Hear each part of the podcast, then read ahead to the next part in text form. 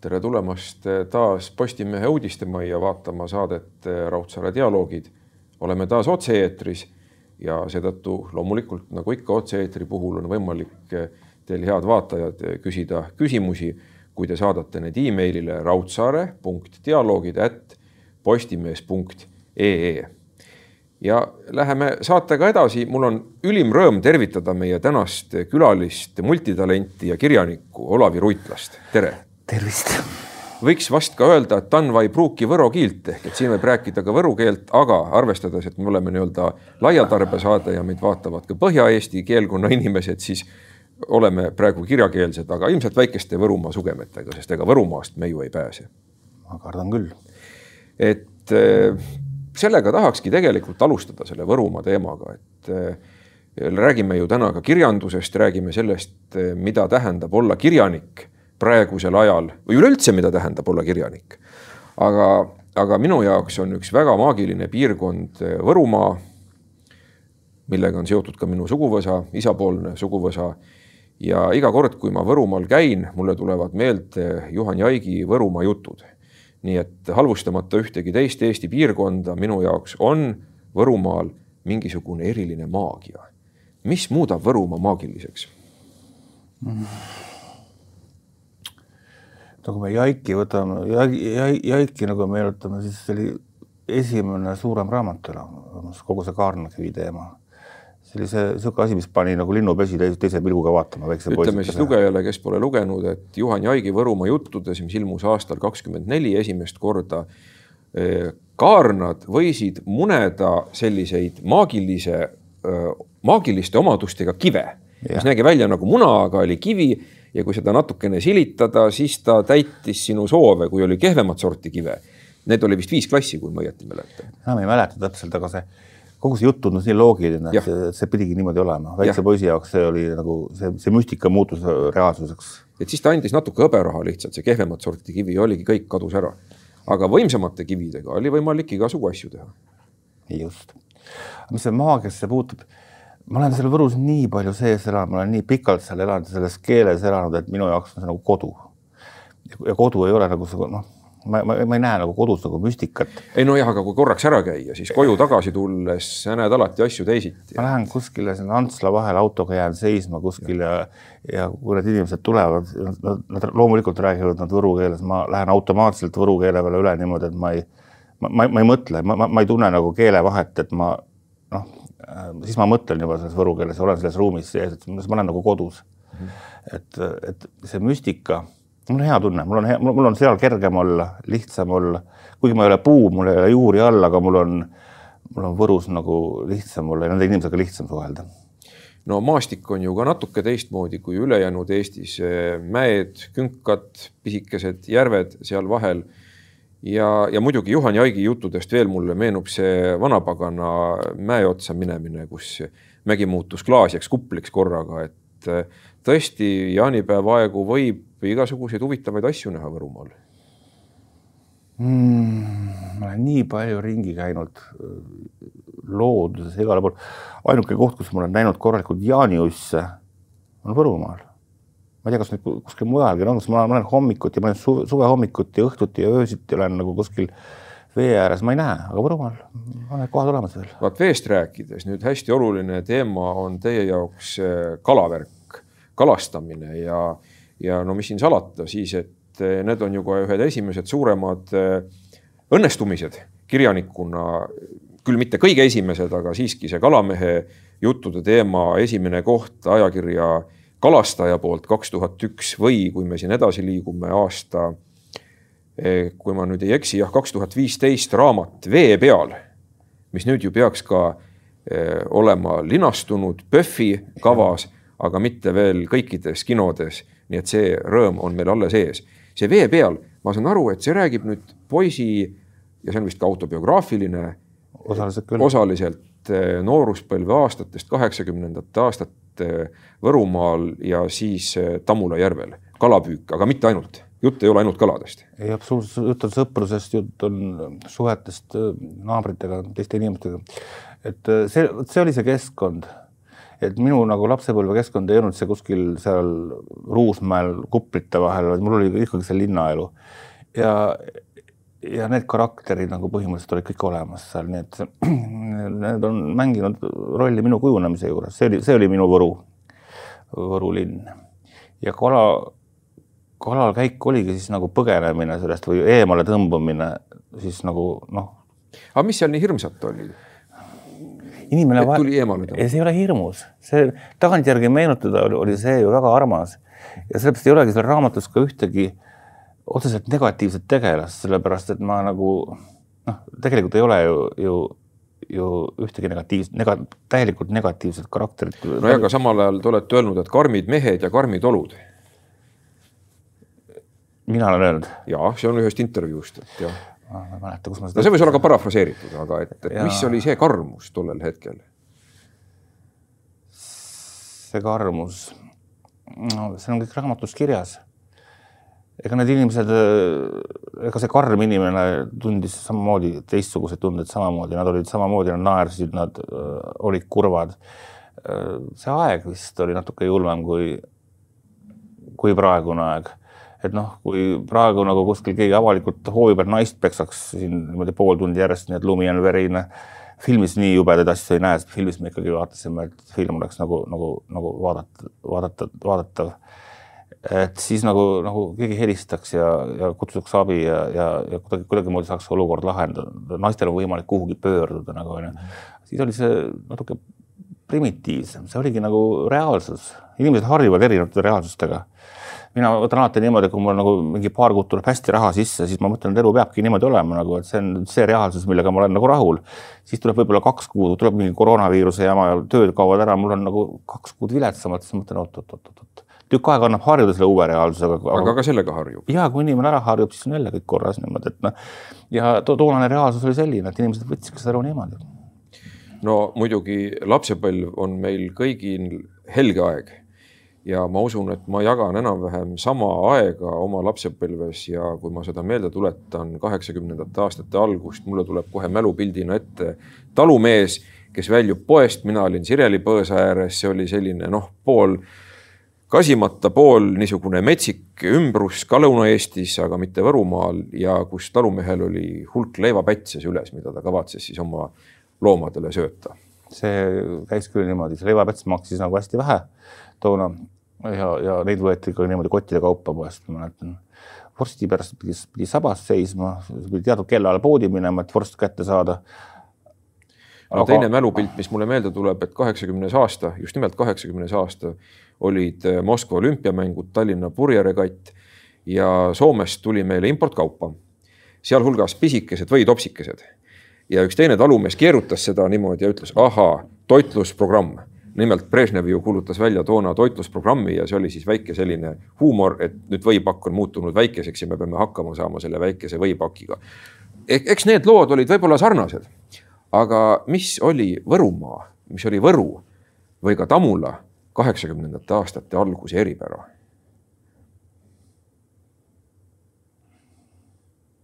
mulle meenub, meenub virvendav televiisor, mis oli niisugune vana rekord, kus me vaatasime Georg Otsa matuseid, vanaema nuttis, vanaisa käis aeg-ajalt televiisorit tagumas, et see pilt jälle ette läheks. kuidagi niisugune aju selekteerib välja alati sellest lapsepõlvest selle positiivse või selle, mis on nagu armas ja ja jätab selle, mis nagu, mis nagu oli sobimatu või valus või, või haiget, sellepärast ega teistmoodi ei saakski elada, see on niimoodi, just organism kaitseb ennast selle eest, et mul on nagu kuidagi nagu need mälestused nagu väga helged.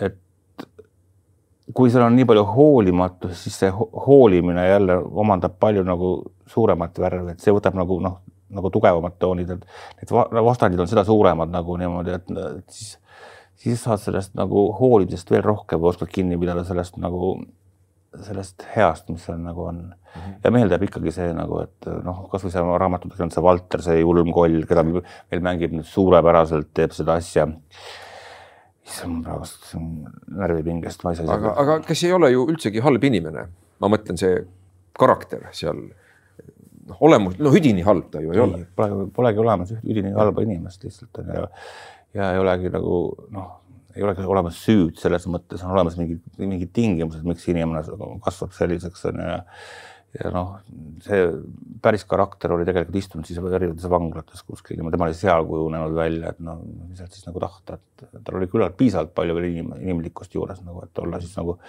eh, teismelisele või noh, teismelise lävel nagu no,, nagu noormehele siis nagu toeks ja, ja päriselt toeks niimoodi, et noh, ta lahendas ka mingisuguseid olukordi, mis nagu, mis nagu filmi raamatusse ei jõudnud. et ta oli nagu noh, ta oligi nagu sõber mm. -hmm. mõte, mis mulle meelde jäi, oli see, et äh, ma jällegi tsiteerin või siis ka parafraseerin, aga et äh, lapsepõlvele tagasi mõeldes, lapsepõlvele tagasi vaadates mitmed küsimused saavad nüüd ka vastuse mm.. ma saan aru, et sellega tegeleb ka see film.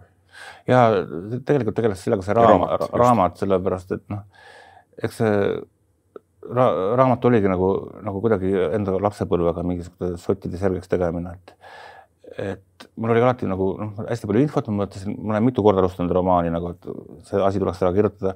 ei ole, ei ole see käivi, ei, ei käivitanud see kuidagimoodi. Ja praegu hakkas see kuidagi lihtsate kalamehe, mulle, mulle tegelikult tehti ettepanek kirjutada mingisugune kalaraamat, mis koosneb mingi teatud juttudest, ma hakkasin kirjutama ja kuidagimoodi jooksis seda lihtsate lugude kaudu see teema välja niimoodi sundimatult, et ma et mul oli nagu väga mõnus ja, ja ma sain kirega kirjutada ja, ja ma mõtlesin väga keerulist ja väga pikka romaani ja väga mitmetahulist romaani aga midagi teha ei saanud, kui ta tuli lihtsalt niimoodi välja ja ma arvan, et ma olen enda jaoks selle lapsepõlve ära lahendanud. mis vajas seal lahendamist? Tagasi, tagasi mõelda, miks noh, miks, miks ma olen praegu selline inimene nagu olen, ma olen ju kujunenud seal nagu noh ja need vastused on nagu seal teisel pool seal kaugel nagu olemas selles mõttes lapsepõlves. ja, ja ma noh, mis seal öelda, ma selle raamatu kirjutamisel käisin seal tagasi nii-öelda, mul äh, on ju kõik see ajusopis olemas, ma, mul tulevad meelde nende inimeste emotsioonid, kui nad seda mingit teatud olukorda kas rääkisid või lahendasid või olid niimoodi, ma läksin päriselt nagu mentaalselt tagasi sinna. ja, ja ma arvan, et mul oli võimaluste piirist, piires täiesti okei okay lapsepõlv. et äh, selleks oli see raamat ära kirjutada, see kirjutamine on miskit moodi teraapiline. et ma ei tea, kus ma leian küll järgmise konflikti iseendas, et järgmine raamat kirjutada, praegust nagu väga suuri konflikte ei ole, aga küll ma leian aga kui me nüüd rääkisime, et see raamat on lihtsate lugude kogum, kas selles lihtsuses ei peitu ka mingi arusaam või võti mõistmaks äh, Võro mõttemaailma, et äh, ühelt poolt elu ongi lihtne, et ta on selline minimalistlik, nappide vahenditega, räägitakse ära samal ajal palju. sest ega need lood ei ole ju primitiivsed lood. Need on väga sügava, sügavuti minevad lood. jah aga inimene üritab alati esialgu minna keerulisemat teed pidi, see on, see on päris kindel ja siis, kui ei, ei saa, siis, siis võib-olla, võib-olla see oli ainuke variant. ega ma noh, ega ma ei, ega ma iseendast nagu, nagu mööda ei pääse, et ma võin ju üritada, et ma suudan kirjutada mingi, mingit, ma ikkagi saan kirjutada ainult iseennast läbi mingite vormide.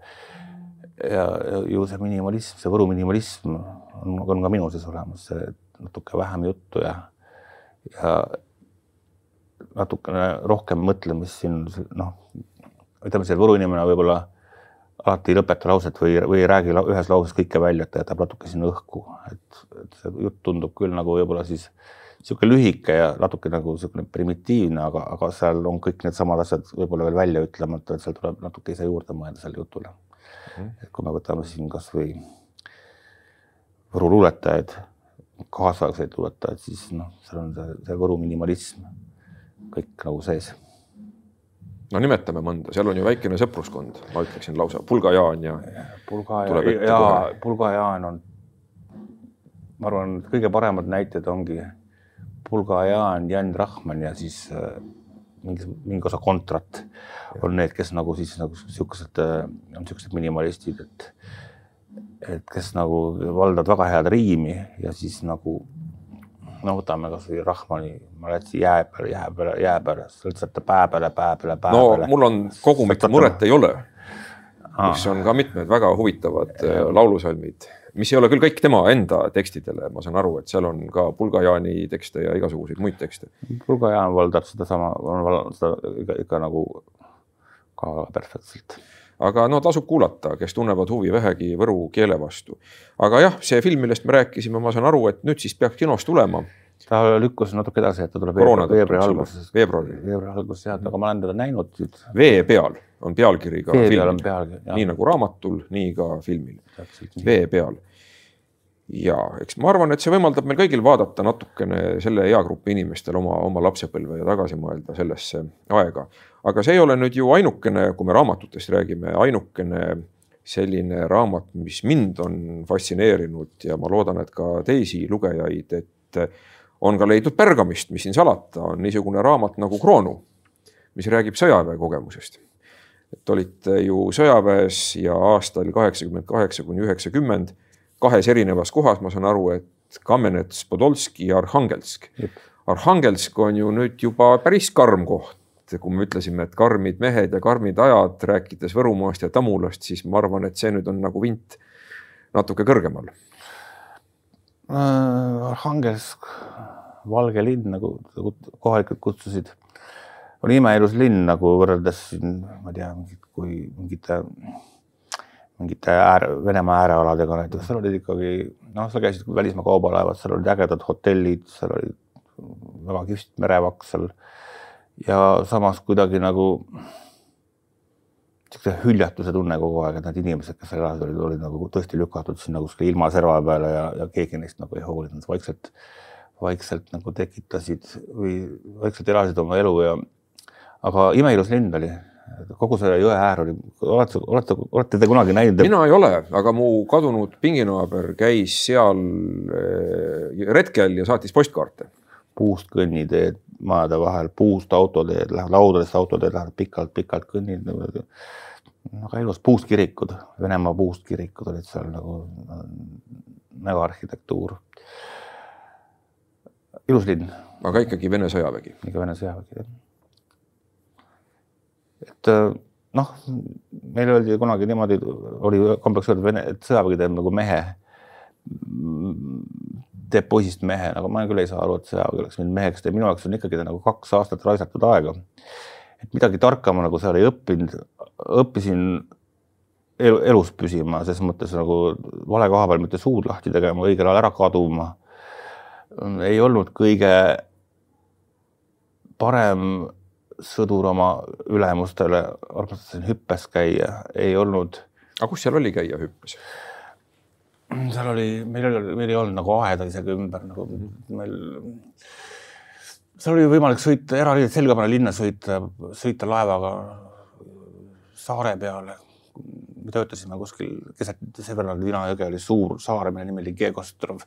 me töötasime millalgi seal nagu, nagu terve, terve nagu väeosaga tegime seal mingi metsakombinaadi all tööd onju, aga siis pärastpoole sai sinna tüdrukutele külla sõidetud. ma olin katlakütt, see tähendab, et kaks päeva ma olin nagu töökohustuste juures ja kaks kaks päeva oli vaba ja ma ei, mul ei olnud ühtegi rivistust, et ma ei pidanud kuskil oma nägu näitama. siis vahepeal sai teha isegi niimoodi, et teine poiss tegi, teine nagu vaht- vahtkond tegi siis nagu sul, sinu kaks päeva ära, said neli päeva kadunud olla lihtsalt, et noh, see oli, oli, oli, oli neis oludes võimalik. ja olid ka valged ööd, olid nii valged ööd, et, et, et noh, ja valgemad kui meil. sääsed näevad sind süüa lihtsalt on ju kümme korda paremini kui pim- pimedas öös. ja, ja see on nii kuum need valged ööd olid niimoodi, et nagu mäletan, et ainult lina saab peale võtta, et palav on lihtsalt, et need sääsed panevad piu, piu, piu läbi selle, läbi selle lina, et olid küll valged ööd, et äh, päike läks nagu nii paljukene vist ainult sinna silmapiiri taha ja võis rahulikult lehte lugeda ja harjumatu. aga see ellujäämise teema, kui tõsine see oli seal, kuna ju me teame, et eh, Vene sõjaväes kippus olema nii, et vanemad lennud või vanemad ko- kolleegid seal ahistasid nooremaid, panid neid igasuguseid asju tegema. seal tuli nagu mõistusega võtta, tuli vaadata, kellega suhelda, kellega mitte suhelda, tuli alati vaadata, mida suust välja ajada, mitte, mida mitte ajada, tuli alati vaadata olematut õigust taga ajama hakata. ja tuli alati vaadata nagu, nagu, nagu kellega sa oma pakke jagad. tuli alati vaadata, kelle tagant sa varastud. noh, näiteks kui kokk varastas näiteks oma, kui kokk varastas konserve, siis ja sellega vahele, siis sellel kokal ei olnud enam elu, sellepärast et noh, sõdur, sõdurite teiste toidulaua tagant varastamine oli, oli nagu noh, see on niisugune asi, mida, mida ei anta andeks näiteks on ju, et kui seal on mingisugune oma eetika, mida, mida, mida sa pidid nagu järgima, et selle reeglite vastu rikkumine lihtsalt lõppes nagu halvasti, et noh, seal oldi väga julmad, seal oli väga julmad, et kui meil siin mäletan Võruliida selle sõjaväega, et kui, kui kakeldi poistepäeval ikka juhtus ja, ja, ja pidudel ja kui keegi maha kukkus, siis oli kaklus läbi nagu sellega. maaslamajat ei lööda. maaslamajat ei lööda, aga seal hakkas kaklus siis pihta, kui mees maha kukkus on ju ja seal ei olnud nagu vahet, kas üks-ühele nagu ausalt või seal läks ikkagi niimoodi, et et neid, need inimesed läksid haiglasse, neid viidi haiglasse. keegi maha ka löödi?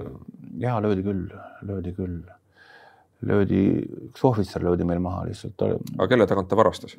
ta ei varastanud, ta lihtsalt, no oli natuke sadisti tüüpi mees.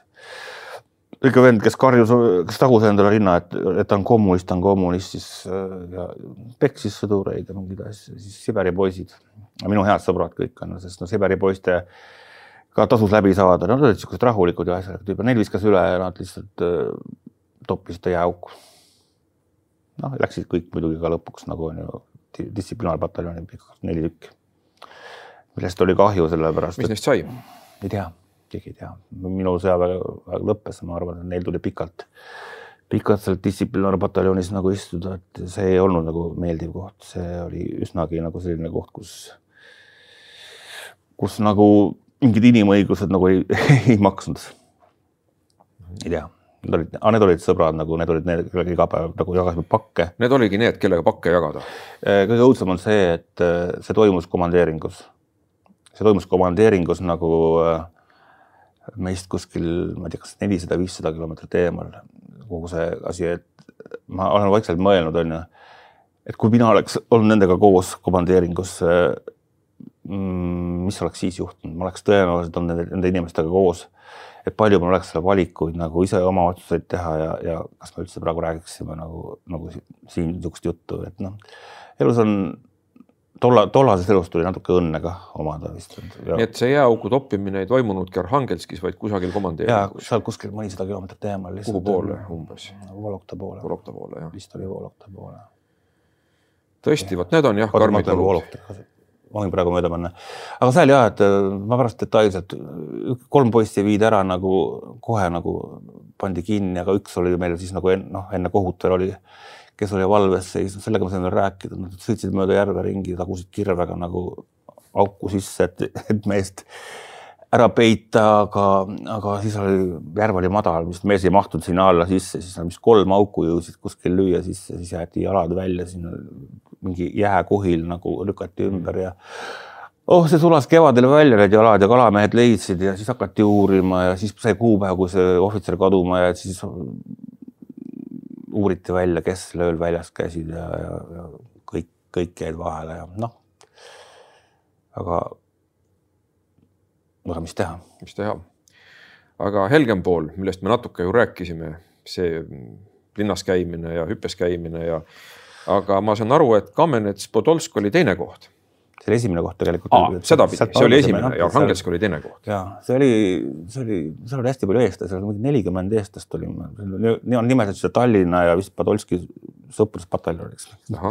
kuidas sõprust oli, see oli see oli niisugune jabur pataljon, kus hästi-hästi kõva kord, et noorel, noorel sõduril oli selles mõttes hea olla, et, et keegi, keegi ei julgenud sulle peksa anda seal, seal valve oli nagu, nagu kõva peal, et kui, kui seal keegi sinnikaga ringi liikus, siis sellest tuli uurimine mm. -hmm. mis äh, tähendas muidugi seda, et vanemad sõdurid siis üritasid äh, siit seadusega nagu, nagu, nagu paika panna, tehti öösel, tehti nagu mingisuguseid äh, õppeid, õppeid ja, ja, ja piinati teisipidi, irvitati, aga noh noh, kuidagi nagu sõbralikult, et kui see, kes öösel norskas, see, selle voodi keerati ikka teisipidi kolinal ja, ja no nagu niisuguse natukene karmima korraga pioneerilaager, ütleme, et siis oli mul esimesed kaheksa kuud, et siis kui ma Arhangelskisse ümber koliti, siis oli mul natuke staaži juba niimoodi, et keegi otseselt ei hakanud nüüd mulle mingisugust niisugust noore, noore jama ajama nagu, et. saabaste viksimisest rääkima. ja, ja, ja. aga nüüd see sõjaväes oleku aeg, ma markeerin selle veel korraks ära, oli kaheksakümmend kaheksa kuni üheksakümmend. ja selle aja jooksul toimus siin igasuguseid asju. Nii et kui te tagasi tulite, siis oli see olu hoopis teistsugune juba. Võrumaa noortekolonn. no tegelikult oli see noortekolonn tegutses juba enne. enne juba oli et äh, mul oli ikka mõte üldse mitte minna, aga samas oli, oli see, et see asi oli veel nii kahtlane, ei teadnud, mis saama nagu hakkab, et äh, ühe aasta pealt oli küll juba tunne, et ma no panen nagu, võtan piletid ära, riided, panen kodu peale tulekut, ei ole mõtet. Aga, aga samas oli juba nagu seal mingisugune sõpruskond tekkinud nagu, nagu mingid Moskva poistega ja, ja, ja me, me ei elanud seal kõige halvemini. ma, ma ise mõtlesin nagu pärast sõjaväest tulles, et, et kurat küll, ma tulen koju, et siin on ju noh, et siin on nagu, nagu Eesti ja siin juba nagu asjad on nagu nii, nii lahedad, et ma pean siin nagu tööle hakkama, ma pean siin nagu inimeseks hakkama. aga kuidas see info sõjaväkke jõudis, kirjade teel või Kirj... oli seal ka mingeid infokanaleid, mida oli võimalik jälgida? sai helistada, kui telegrammid ja, ja kirjad ja ja, ja, ja sõjaväes oli mul alati see vabandus on ju, et, et ma ei ole siia vabatahtlikult tulnud. aga fašistiks keegi ei kutsunud? nalja pärast kutsusid, nad küsisid ka seda nagu, mis sa tegema hakkad, kui äh, kui te lähed, no te olete venelased vihkajad, öeldi mulle, mis te tegema, mis sa tegema hakkad, kui nagu sa lähed koju, ma hakkasin venelasi hakkama peksma muidugi. et noh, mis me ikka muud teeme, aga noh, vanemad ju teadsid tegelikult noh. ja mäletan, kui äge oli see, kui, kui Arnold Rüütli kõne oli kunagi oli meil Lenin tuvas, äkki, äkki kutsuvad kõik, et tule kohale, sinu mees räägib. Rüütel oli siis seal? Rüütel oli poliitbüroos. Äh, telekas kanti, üle jah, niimoodi pikkade juustega Rüütel ja siis ta räägib midagi, nagu ma ei mäleta enam, mis teema, iseseisvust või mingist asjast. kogu see poliitbüroo narrib teda nagu onju, siis vaatasin, see nagu sirge seljaga Arnold Rüütel mõjus nagu siukse asja, ma ütlesin noh noh, vaadake. ma mäletan, ma olen seda, seda näinud ka ise seda saadet. see on, see on meie poiss ja kusjuures kogu see nagu tubatis inimesi nagu tegelikult sai aru, et see tüüp seal on nagu väärikas.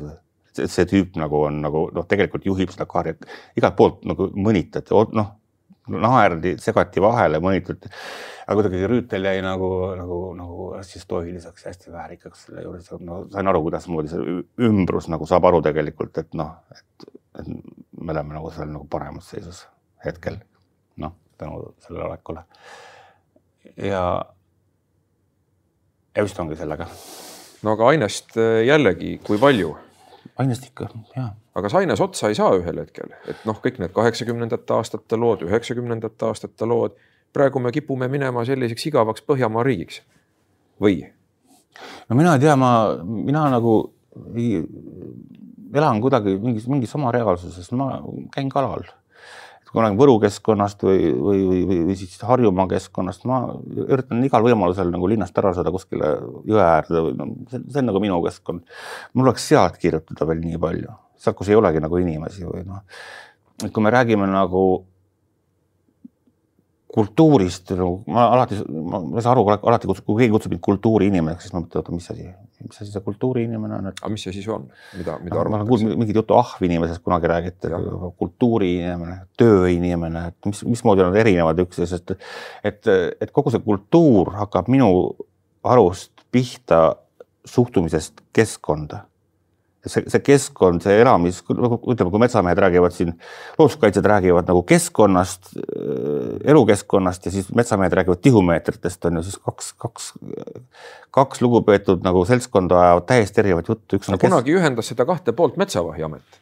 aga selle... Need vanad metsavahid, keda nõukogude ajast mina mäletan, ei süsteem... olnud küll sellised tihumeetri mehed. see süsteem lõhuti laiali, sellest on väga kahju, millest tunnevad metsamehed isegi puudust praegu, ma olen, ma olen seda kuulnud ja siis ja samamoodi ütleme nagu siis see suhtumine nagu sellesse üldise keskkonda, jõgedesse, järvedesse, et, et see on kultuur, et kui me vaatame siin kaheksakümnendast aastast peale, siis tursk on ära hävinud täielikult, pole enam ühte kalaliiki. lõhet on palju vähem. lõhet on vähem, no praegu üritatakse teha ju kõike selle lõhe jaoks äh,. angeres on kadunud sisuliselt, et meie eluajal toimuvad nagu sellised drastilised muutused, et, et suhtumine siis sellesse keskkonda, see kultuuritu suhtumine keskkonna loob varsti olukorra, kus me oleme nagu nii palju vaesemad, et ma, ma, ma ei tea, mis üldse saab. kui mõelda, et see on kõik juhtunud mingi saja, alla kahesaja aasta, on läinud selle, selle, selle, selle nagu selle nagu hävingu tekitamiseks. ja ometi öeldakse, et meil on siin seda puhast keskkonda, igal juhtumil öeldakse, et meil seda ju siin on. veel, veel veel on, aga, aga nagu, nagu ma tean, vaatan tulevikku nagu see noh, mul, mul, mul nagu iga kord, kui ma käin väljas, ma mõtlen, see, see on praegu niimoodi, see, see, mis on siin neljakümne aasta pärast on ju, noh, ma võib-olla ei taha seda näha. sest ega inimene ei võta enne ette midagi, kui nagu, kui midagi noh, kui, kui, kui on võimalik mitte võtta, et või noh, kui asi on päris läbi, et siis jah, üritatakse midagi teha. et see keskkonnajutt on nagu mulle nagu, see on üks olulisem jutt üldse et no räägime siin lõhejõgedest on ju, mida me oleme või paisidest, mis on maha vaja, noh, mida me oleme üritanud maha võtta, milleks? see, et nagu, nagu teha seda elukeskkonda nagu paremaks, kasvõi siin väiksel maa-alal. ja mida ei, mida nagu, mida nagu ei, mis nagu ei lähe läbi, mis ei lähe, lähe kuidagimoodi läbi, noh. ikka, ikkagi tulevad nagu mingid jutud, et see kõik on inimtekkeline kas see kõik oli inimtekkeline? ja, aga nüüd on meil siin mõned inimtekkelised küsimused vaatajatelt eh, tulnud, eh, mida kohe lahkelt serveeritakse meile. kas see on vaataja, kas see on vaataja? Eh, kindlasti ka üks vaatajaist, ma saan aru, aga meil on neid siin ju veel. nii ja siin on tõesti väga-väga häid küsimusi, kui palju, küsime kohe siis, kui palju on kalamehe juttudes juttu ja kui palju fakte, see on see silmalugu, noh, tood kala, et mehel seoti käed kinni ja ütles, et vaat silm oli selline. Mm.. see on ajas nagu muutuv, et, et ma olen nagu mingid suured kalad juba kätte saanud. et mingid kuuekilosed, viiekilosed haugid, ma ei tea, noh, kas on vaja nüüd suuremaks minna, et ma, ma enam ei, ma enam ei käi nagu, ma ei käi enam nagu ainult kala pärast kalal, et ma noh, kuna ma püüan lendõngega nüüd Mhm. peaga ainult, et ja siis ma võin rääkida, kalapüük on see putukate sidumine, selle, selle õnge ettevalmistus, siis see heide, mis, mis need spetsiaalsed heited, siis see sooritus, kuidas see heide parajasti välja tuleb. äkki seal on mingi põõsaalune, see heide tuleb tõesti hästi välja, see putukas lendab sinna ja moment kala ei tule, onju, siis ma olen ikkagi selle heite nagu sooritanud. et ja siis lõpuks on see päev looduses selles keskkonnas, mis on veel alles, nagu ütleme siis. ja, ja siis, kui see kala tuleb, kui peaks tulema, siis see on see, see on see boonus nagu on, mis paneb selle päev, päevale punkti. et küsimus on see, kas ma selle kala kaasa võtan sealt, no noh, tihtipeale ei võta no üks teine Võro miis, Jaan Vahtra on kirjutanud hea äh, novelli Õngitsemas, neljakümne kuuenda aasta novell, kus siis seal lugeja saab, seal on ka onu ja on mina tegelane, kes siis on poiss järvel ja käivad seal mitu korda ühte tohutut jurakat kala püüdmas, kelle nad lõpuks ka kätte saavad. kuigi ohvriks läheb seal onu särk ja piip kukub sinna peale, särk läheb põlema ja igasugust pulli käib. vist lugenud. et mulle tuleb ette, et ikka, ikka jälle see Võrumaa kohavaim, et midagi see kalade ja eriti suurte purakate värk on vist Võrumaa teema. võib-olla on, see on see, see jah, see on see Ruusmaa teema, kus igal talul on oma järv nagu ja, ja. oma omad haugid seal sees, et. just, just küsimus, miks on Võrumaalt ja Võrust tulnud nii palju kirjanikke Kreutzwaldist Kertu Rakkeni? tõesti, kui ma mõtlema hakkan, lauluisa on ju sealt pärit ja. lauluisa on tegelikult pärit äh, kuskilt Väike-Maarja lehestelt. no aga ta seal tegutses tükk aega, et see mõjus talle viljastavalt. ja, ja ta, ta on, ta kolis sinna, ta oli seal linnaarst väga pikalt. niisugune jutt on, aga minu vanaisa tea-, teadis, et tema mingisugune kuskil on kuulnud jutte, kus Kreutzwald kõnnib mööda meie tänavat, see oli siis toona Leegeri tänav, nüüd Karja tänav ja marutõbi toki otsas või käe otsas kuskil niimoodi ja noh, proovib teda hammustada. inimene? ja marutõbi on inimene. Kreutzwald äh, läks ja. koos marutõbisega mööda meie tänavat ja siis oli, see marutõbine oli üritanud teda hammustada niimoodi ja, ja siis selline jutt äh, liikus toona. et ta oli tuntud arst ja ta oli, praktiseeris siis nagu järelikult äh, tõsiselt seal. no mõtleme ju nendele Inglise seriaalidele, kus me näeme külaarstide tegevust, kes peavad tegelema tõesti väga universaalsete asjadega, alustades sünnituse vastuvõtmisest kuni seal siis noh, tõesti marutõbisteni. et ja tundub, et Kreutzwald oli selline, aga ikkagi see keskkond, et niisugune sooduskeskkond kirjanikule tundub, vaatamata nendele marutõbistele või just nimelt tänu nendele jah, ju ta on võib-olla võib-olla vaiksem keskkond natukene, võib-olla, võib-olla nagu on seal inimesel rohkem mõtlemisruumi äkki kui, kui suures, suures kogumis. äkki on niimoodi, kui, kui, kui niimoodi, niimoodi mõelda. jah, see võib tõesti nii olla. väga huvitav küsimus, kas kitsastes oludes lapsepõlv on ehedam kui külluses veedetud? no ei ole võrdlusmomenti nagu, mis on küllus, et mul ei olnud lapsepõlves millestki puudus, et äh, need asjad, mida mina tahtsin saada, need. aga äkki see oli küllus?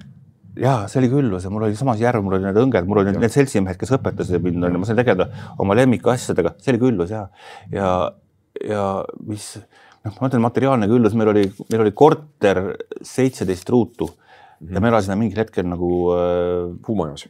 puumajas, elasime viiekesi selles seitsmeteist ja, ja mulle ei pigistanud kuskile õlgadest. praegu ma ei mahu ära oma kuuekümne meetri peale, et mm, jah, ma arvan, see ei olnud, see ei olnud nagu vaesus siin on küsimus, et millal saab näha teid koos Chalice'iga laval, et noh, tõesti olen isegi lugenud, et laulusõnu olete teinud Jarek Kasarile. me tegime Jarekiga kunagi meil paar aastat tagasi oli meil niisugune kupleekava mm, -hmm. et me käisime, tegime seda Riigifilharmoonias Saaremaal, olid meil mingisugused esinemised. selleks me kirjutasime terve portsu kupleelaule, mina siis tekstid, Jarek kirjutas, kirjutas muusika ja siis me tegime ka, ka, ka, ka mandril tegime mõned, mõned, mõned, mõned nagu väga hästi läksid peale inimestele, aga nagu iga asi saab otsa, siis kaua sa nendega käid, et. et Jarekil on vist üks lugu või kaks on, on, on veel kasutusel, noh, et kui te tahate midagi kuulda, siis Jareki kontsertidel kindlasti saab veel midagi seda hõngu. aga, aga selle terve pakiga me enam vist tõesti välja ei tule, sellepärast et noh, see on, see on nagu sihuke asi, et mis on tehtud mm. -hmm et mingi asi on tehtud ja siis tuleb järg, järgmine asi juba. ja., niimoodi. nii, väga huvitav küsimus on see, et äh, te tundute olevat kurb inimene, ma küll ei tea, me oleme olnud küll praegu minu meelest väga helges meeleolus, aga et te tundute olevat kurb inimene, mis teid rõõmustab? oi, ma jälle kurba inimest ei ole olemas. mul rõõmustab väga minu pere mul, mul on praegu nelja-aastane väikene poeg, kes te, teeb mu päevad väga, väga rõõmsaks, et äh, kui ma talle õhtul lasteaeda järgi lähen, siis on, need on see emotsioon, kus ma näen pärast mõnetunnist mittenägemist oma last, me mõlemad rõõmustame väga ja, ja, ja ma olen tõesti rõõmus. mul on hobid, mul on hobid, mul on kogu see lennuga hobid ja kogu see seltskond, kellega ma suhtlen nagu äh, siis nagu noh, mina olen õpipoiss, sellest ma olen kolm aastat peal lennuga, ma olen, ma olen, ma olen õpipoiss, siis see suhtlemine tekitab minus väga mis palju. hobid ah?? mis hobid? Äh, lennuga, lennuga püük on, on minu uus hobi. ikkagi kalandus. ja, ja siis kogu selle asja õppimine praegu, see on minu jaoks selline kirg, mis mind, mis mind rõõmustab.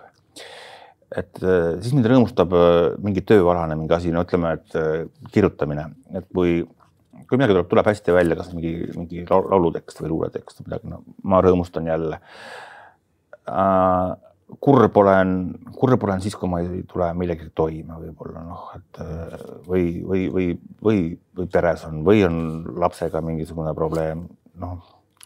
kurb olen nii nagu, nagu, nagu kõik inimesed, aga, aga mitte püsivalt. mul on ikkagi, ma arvan, et mu elu on kuidagi nagu kõige rohkem korras praegu nagu, et kui, kui ta kunagi siiamaani on olnud, et siis kuidagi nagu, kuidagi nagu kõik on olemas. kuidas on võimalik see, et te suudate Vene kroonusse suhtuda masenduse asemel hea huumoriga? no ma, nagu ma ütlesin, et see oli nagu täiesti maha visatud aeg, need kaks aastat, ma ei õppinud seal mitte midagi, võib-olla oma tagumikku hoidma lihtsalt, et, et mitte vahele jääda kuskile mingite valede asjadega aga mis ma siis seal tegema pidin? Äh, ma, ma käitusingi seal täiesti vastutustundetult, sest ma, mul oli mõte nagu, et, et ma ei ole sinna vabatahtlikult läinud, kuna, kuna mind on sinna võetud, siis, siis noh, palju õnne, palju õnne, me tegime seal elasime väga toredat elu, me varastasime rahulikult kroonokraami, müüsime seda maha ja, ja siis käisime erareetega mööda linna ringi, käisime restoranides, suhtlesime, mäletan isegi mingist Soomest, Soome turistidega suhtlesime. elasime nagu vahepeal nagu, nagu, nagu, nagu era, eraisikud, vahepeal jäime vahele, siis olime kuskil komandatuuris, saime endale täid või kirbud, ma ei mäleta, siis saime veidi sõimata ja siis jätkasime jälle vanamoodi süüdimatult ja, ja siis mul tuligi nagu see tunne, et kui ma tulen nüüd, tulen nüüd siia Eesti, kus, kus on nagu hoopis teised tuuled, nagu siin hakkab mingi vabadus tekkima. siis ma pean muutma oma eluhoiakuid, onju, ma ei saa ju kodus nagu onju noh, lagastada, sest noh, keegi ei ole mind kodust nagu välja ajanud või noh, et ma kuulun siia ja ma tulingi sõjaväest koju ja, ja, ja läksin tööle ja, ja, ja kuidagi ei olnud raske olla nagu korralik kodanik või kuidagimoodi mahtuda neisse raamidesse, mis on nagu seaduslikud raamid, et see oli nagu minu, minu kodu ja siiamaani nagu ma kuidagi ei käitu niimoodi, nagu ma nagu sõjaväes käitusin. no kodust rääkides te jagate ennast ju Tallinna ja Võru vahel praegu ja mu ema elab Võrus siiamaani ja, ja, ja mu õde elab, vanem õde elab Võru ligidal Sõmmerpalus, et noh, ma üritan ikka, ikka võimalikult tihti käia seal mm. -hmm. aga lihtsalt töö, töö mõttes on mul natukene parem Tallinnas asju ajada, sest noh, mingid vahetud kontaktid inimestega nagu olulised, et mingid asjad toimiksid, et praegu küll maskidega, aga, aga, aga, aga, aga silmas, silmas tuleb ikka silma vaadata. noh, kui me mõtleme nüüd Ameerika kontekstis New Yorgi peale, kus on seal väike Venemaa nii-öelda ja erinevad kogukonnad ja kus Tallinnas see väike Võrumaa on? Kui on mm,? Tallinnas nagu hästi mõnusad pesakesed, et kuidagi tuleb seda pesast pessa nagu sõita, näiteks noh, kalamaja on ju tegelikult päris nagu okei okay elukoht, vaikne ja, ja uus maailm, noh, praegust on, noh, seal, seal on ikkagi nagu, nagu, nagu kuidagi mõnus olla. Kadriorus on ka mõnusaid pesakesi niimoodi.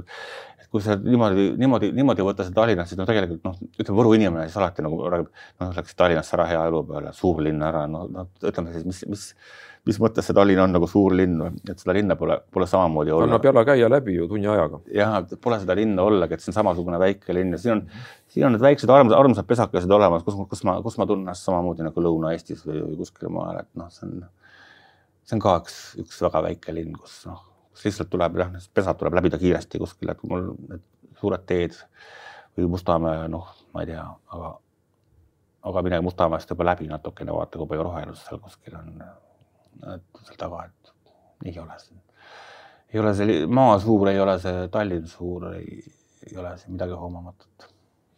no lõpetuseks, et eh, mis võiks praegu inimesi hoida optimistlikult, on kõige pimedam aeg ja see koroona möllab ja paistab, et numbrid lähevad ülesse ja kuidagi selline masendus kipub peale inimestele, ma tean seda aga saab alati minna loodusesse. et selles keskkonnas ma rääkisin nagu, et mida, mis minu jaoks nagu kõige olulisem, see, see, kuhu noh, noh, mis on selle riigi alus, noh ja selle inimeste, minge keskkonda kuskile, minge sohu, minge kuskile rabasse jalutama, minge jõe äärde kuskile metsa, seal saab mitte, mitte kahte meetrit, seal saab hoida kaks kilomeetrit vahet nagu ja, ja, ja, ja on hästi tore. et alati saab minna välja kuskilt, ma ise üritan ka nüüd sama nädalavahetusel kuskile omaette minna õngeribvaga kuskile, et noh, mitte, mitte ei ole kala mõttes, vaid lihtsalt, et ei peaks istuma kuskil kitsa pinna peal. sest noh, maskiga käimine linnas ja niimoodi ei ole, ei ole ka kõige meeldivam aga kus siin on head kalaveed? mitte, et ma väga spetsiifiliselt küsiksin nii-öelda head marja mul, kohta ära, aga. no mul tuleb ikkagi nagu, nagu sõita kuskil sada kilomeetrit autoga nagu, et ütleme siis kuskil nagu forelli jõe äärde jõuda, no praegu on jõeforell keelu all, aga. siis kuskile Virumaa poole. ja, ja praegust on nagu see asi, et saab, saab püüda nagu, nagu siis ära kudenud meriforelli, noh, see on siis see asi, et lihtsalt välja minna ja see kala või noh, kui ta tulebki, on siis tagasi lasta, sellepärast see on kudenud kala nagu söömiskõlbmatu. aga noh, kuidagi tuleb tiksuda esimese veebruarini, kui see, kui see forell nagu siis, forell siis nagu lahti läheb, et siis saab nagu päris kala püüda ja seni vahepeal käin kuskil haugi, kui nüüd ära ei kaaneta, kaaneta kõiki kohtasid, siis äkki saab veel mõne haugi püüda. aga nüüd kuidas jääda hea toonuse juurde ka nendel, kellel ei ole kalapüük nii veres? no aga igal inimesel on midagi, noh, lihtsalt üks väike jalutuskäik lastega või perega looduses, no teha, fotoaparaat kaasa, teha mõned ägedad pildid nagu, no see on ju sama asi tegelikult. et vahet ei ole, kas seenel käik, kalal käik või pildistamas käik või lihtsalt jalutamas või koeraga üles käimine, noh igal, igal inimesel oma, et kõik tegemist on ikkagi ühe asjaga. jah, ja miks mitte, võib-olla selle jalutuskäigu ajal kukub kusagilt mõni kaarnakivi või jääb jalgu? peab puu otsa ronima, puu otsa peab ka ronima, seda seal raamatus kindlasti kirjas ja see oli üsna nagu. et ja ilma vaevata ei pääse, elus see... ei tule miski ilma vaevata. jah, et kui te lähete ikkagi sinna metsa, siis katsuge puu otsa ronida. okei okay., selle mõttega praegu lõpetamegi. suur tänu, Olavi Ruitlane, selle põneva vestluse eest ja jääme ootama nii seda filmi vee peal, mis siis ju varsti linastub, mida mina ootan suure põnevuse ja huviga kui ka ma loodan, et mõnda järgmist teost. aitäh. selline oli siis eh, tänane Raudsaare dialoogide saade ja sellel aastal on veel üks saade veel ees. järgmisel nädalal tuleb meile siia juba üks uus külaline. kes ta on, eks te siis näete, millest me räägime, eks te siis kuulete. seniks kõike head teile ja loomulikult püsige terved